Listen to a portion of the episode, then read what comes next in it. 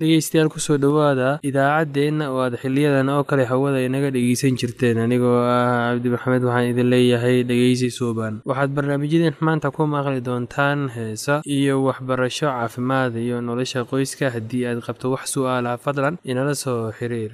Ciwaankeenna waa radio somaly at yahu t com. Mar labaad ciwaankeenna waa radio somaly at yahu dt com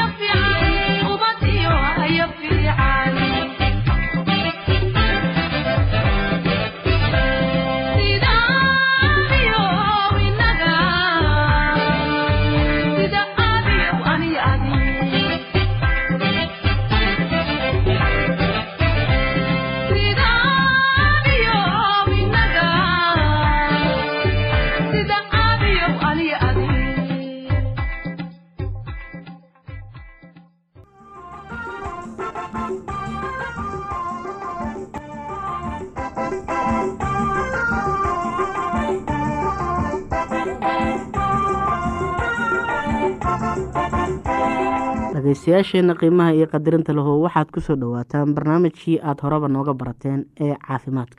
Halkaynu maanta ka hadlayno waa sida loo iibsado daawooyinka. Daawooyinka badidooda waxaa laga soo iibsadaa waxaa laga soo iibsan karaa farmashiyayaasha magaalooyinka waaweyn. Haddii dhowr qoys ay soo iibsadaan waxay doonayaan mar keli ah. Waxaa laga yaabaa in lagu siiyo qiimo jaban oo looga iibiyo haddii dawada laga soo iibsado jumlo. Waxaa laga yaabaa in qiimi ka sii jabnaado. Haddii aan farmasiga hayn nooca aada doonayso qaado nooca kale oo la mid ah oo hubi in qiyaasta laga qaadanayo isku mid ay yihiin. Markaad iibsanayso daawo iska eeg sicirka. Noocyada qaar ayaa qaali ah inkasta oo daawadu isku mid tahay. Daawada qaaliga ahi had iyo goor ma wacna.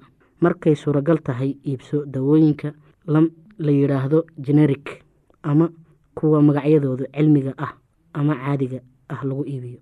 Ha iibsan kuwa lagu iibinayo magac gaar ah oo ay u bixisay shirkadda samaysay.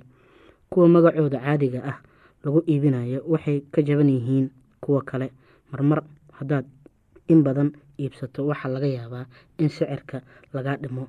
Kasoo qaad haddaad iibsato irbad benesaliin ah oo xooggeedu yahay lix boqoloo meelood wax yar ayaad qiimaheedu ka badan yahay ta xooggeedu yahay saddex boqoloo meelood marka ta hore iibso oo laba goor isticmaal. Haddana waxaynu ka hadlaynaa cudurrada kale waaweyn ee dadka da-da ku dhac tusaale ku soo qaado dhibaatada wadnaha. Cudurka wadnaha wuxuu aada ugu badan yahay dadka aada u da-da weyn gaar ahaan kuwa naaxsan kuwa sigaarka caba iyo kuwa dhiigooda cadaadintiisu aada u sarreyso calaamadaha dhibaatooyinka wadnaha haddii aynu ka hadalno calaamadaha dhibaatooyinka wadnaha dhibaato neefsashada dhaqdhaqaaqa dabadii sida xiiqda oo kale marmar loo qabto tan oo ka sii darta marka qofku jiifsado xiiqda wadnaha. Wadnaha si gaar isgaraacidiisa oo dhaqso badan itaal darro aan joogto ahayn cagaha oo barara waxay ugu daran yihiin galabtii. Xanuun kadis ah oo marmar qabta laabta garabka bidix ama gacanta oo badanaa ah marka qof dhaqdhaqaaq sameeyo oo taga marka qofku nasto. Xanuun badan oo si miisaan burburinaya laabta oo aan tegin marka la nasto. Daweynta. Cudurada kala duwan ee wadnaha. Waxaa laga yaabaa in ay u baahnaadaan dawooyin kala duwan oo si fiiro gaar ah loo isticmaalo. Waa lagama maarmaan in qofku uu helo dawada hagaagsan marka uu u baahan yahay dadka dhibaatada wadnaha lihi waa in ay si xoog aan u shaqayn marka laabta xanuunayso. Marka laabta xanuunayso ama dhibaato neefsasho ahay jirto hase ahaatee dhaqdhaqaaqa joogtada ahi wuxuu ka hortagaa wadnaha oo dhaawacma. Haddii aynu ka hadalno cagaha barara tan waxaa keeni karaa cuduro badan hase ahaatee teeda ta dadka da-da ahi waxaa inta badani u keena wareega dhiigga oo xun ama dhibaato wadnaha ah wax kastaba sababtu ha ahaato. Daaweynta wacani waa in cagaha sare loo qaado. Socodka qodhiisa wax buu u taraa. Hase ahaatee iska ilaali inaad in badan taagnaato ama fadhido cagaha oo hoos u laadlaada. Cagaha sare u qaad markay suuragal tahayba boogo aan bogsanayn. Kuwani waxaa laga yaabaa inay ka yimaadaan dhiigga wareegiisa oo xun ama inta badan xididada oo barara. Marmar ka adka kaadi macaan ayaa u sabab ah. Boogaha ka yimaada dhiigga wareegiisa oo xun muddo dheer ayay qaadataa bogsashadoodu. Boogaha haddii si nadiif ah loo daweeyo ku maydh biyo la karkariyey iyo saabuun bandhajka mar walba ka bedel haddii calaamadihii uu bukaanka ka muuqdaan u dawee sida lagu sheegay. Markaad fadhido ama aada huruddo cagaha sare u qaad. Kaadida dhibaatada ah ragga waaweyn ee kaadida dhibaatada u keena waxaa laga yaabaa kaadidooda waxay u dhowdahay in xididka kaadida oo xididka kaadida haysta oo ballaadha. Dhageystayaasheena qiimaha iyo qadarinta lahu halkaa waxaa noogu dhammaaday barnaamijkii caafimaadka. Waa shiina oo idin leh caafimaad wacan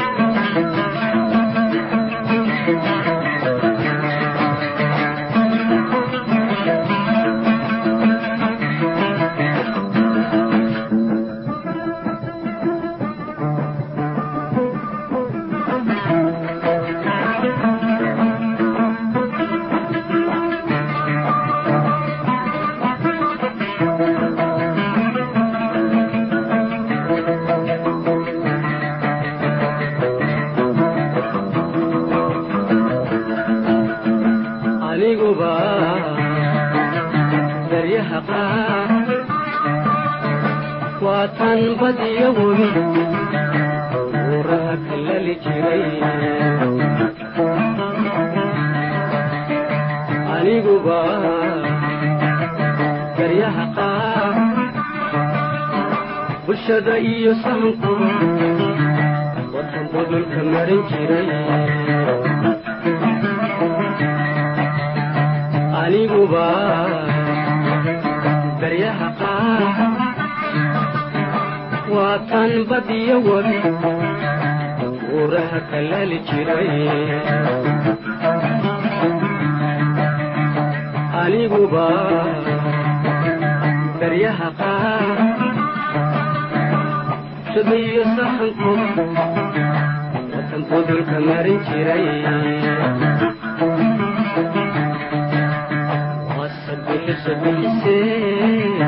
cashaqan biyo un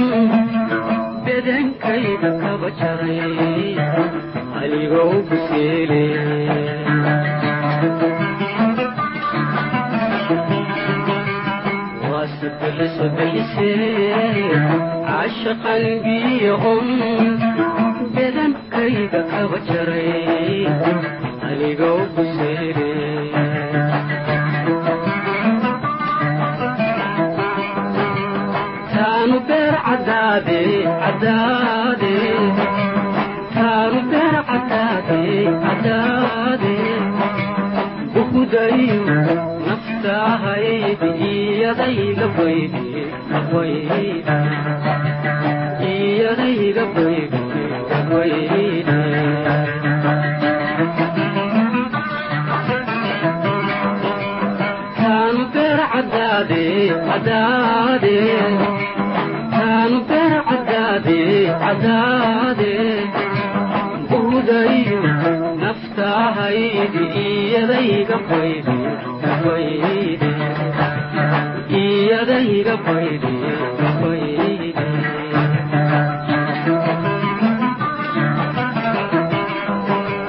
bariidaduna waasare ruxu bukaanka kugu nacay. Adoo baahan kaa tagay sama kuma bannaane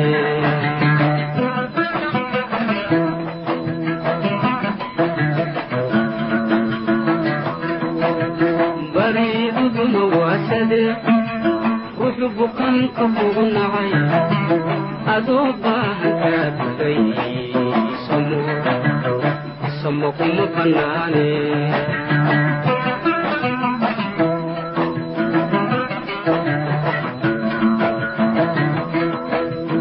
alla barasho barasho wacana alla barasho barasho wacana bi'i waha adduunyoyi maxad laba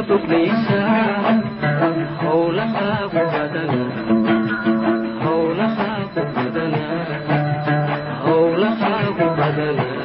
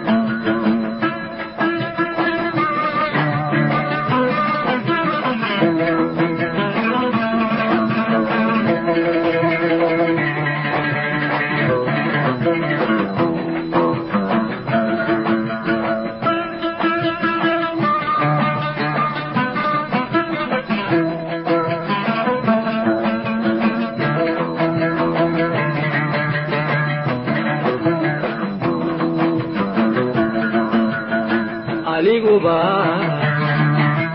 baryaha qaar waa tan bilaaji meeldaaje noqon jiray aniguba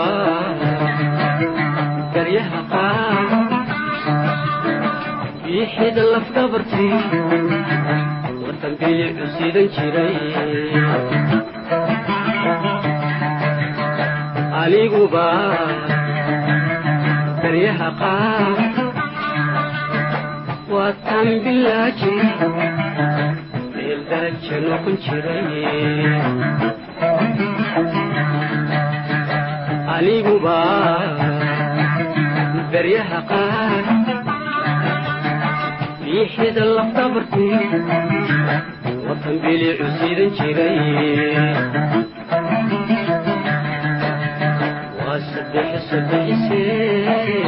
casha qalbiyahun hedankayga kaba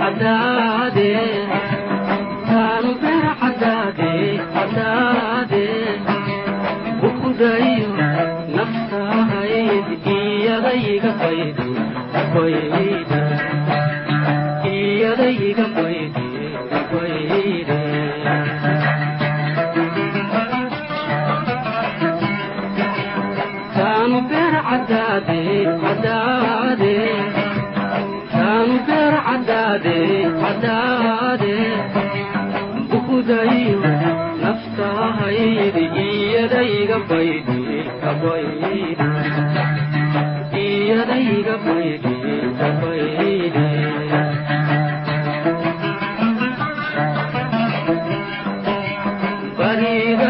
waasade ruxu bukaanka ugu nacay adoo baahan kaa tagay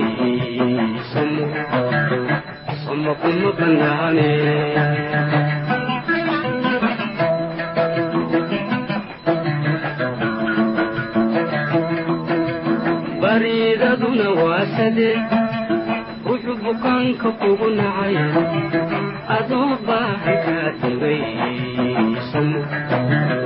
samo kuma banaane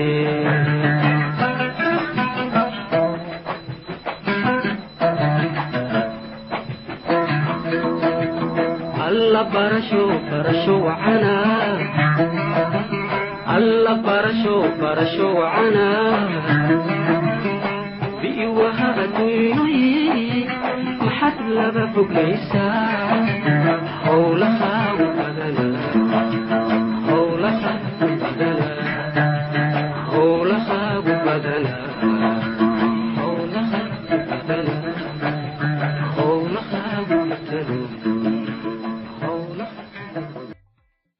guri dhaqaalayntu ma ahan mid sahlan. Waa mid adag oo inta badan isku qasan. Haddii aadan rumaysanaynin bal isku fiiri hal maalin uun. Qaladaad badan ayay leedahay waxaanay u baahan tahay xeelad aad u dheer iyo waayo aragnimo ha u malaynina inaan ka badbadinayno laakiin guridhaqaalayntu lafteedu waa shaqo.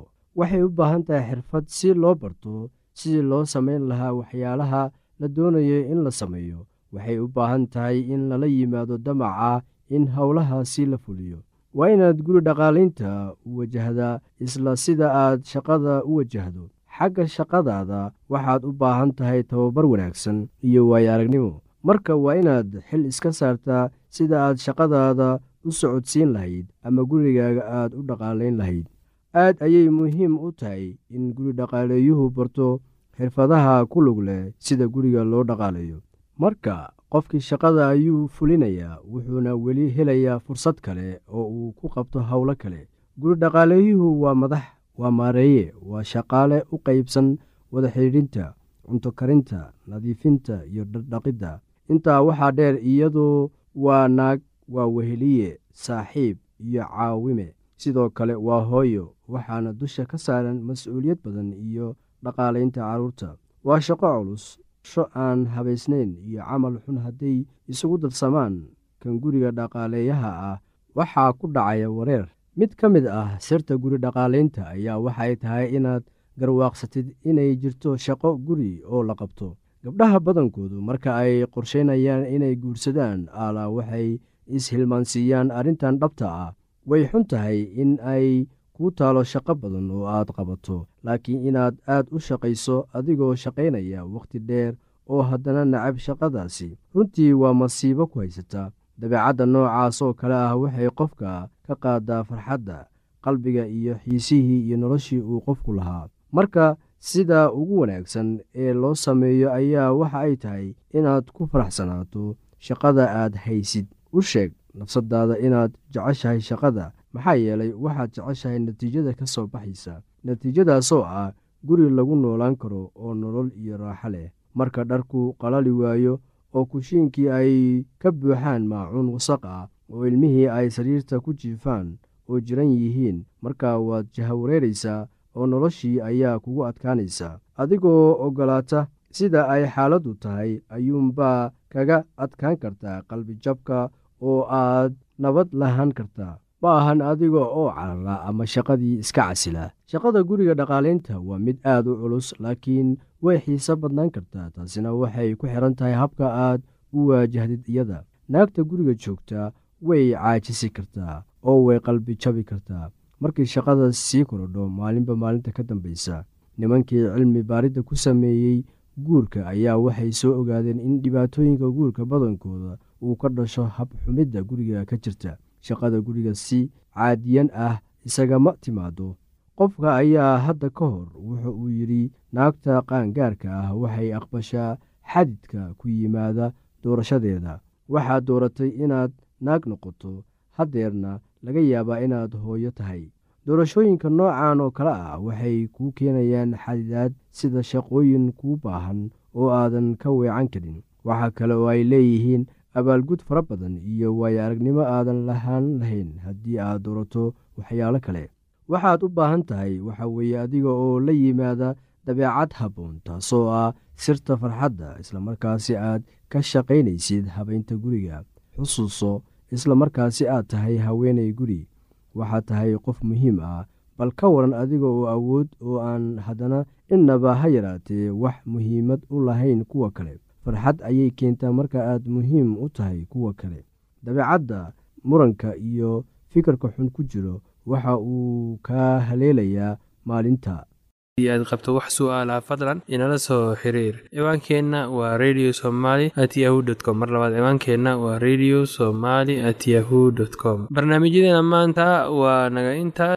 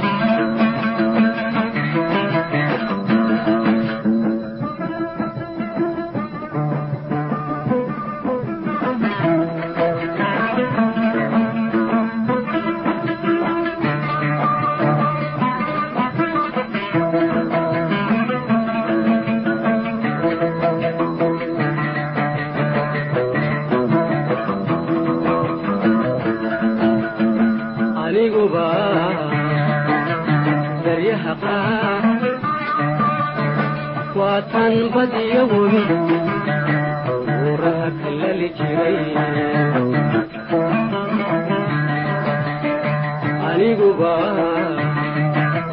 garyaha qaar bulshada iyo sahanku wadan budulka marin jiray. Aniguba garyaha qaar. Waa tan badiyo wabi buuraha kalaali jiray aniguba garyaha qaar shabiyo sahanku watan budulka marin jiray wasabixisa bixisee cashaqan biyo un bedankayga kaba jaray anigoo buseele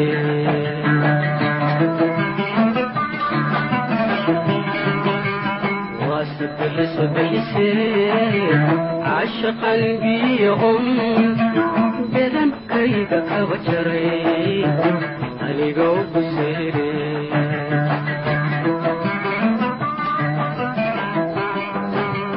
taanu beer cadaade cadaade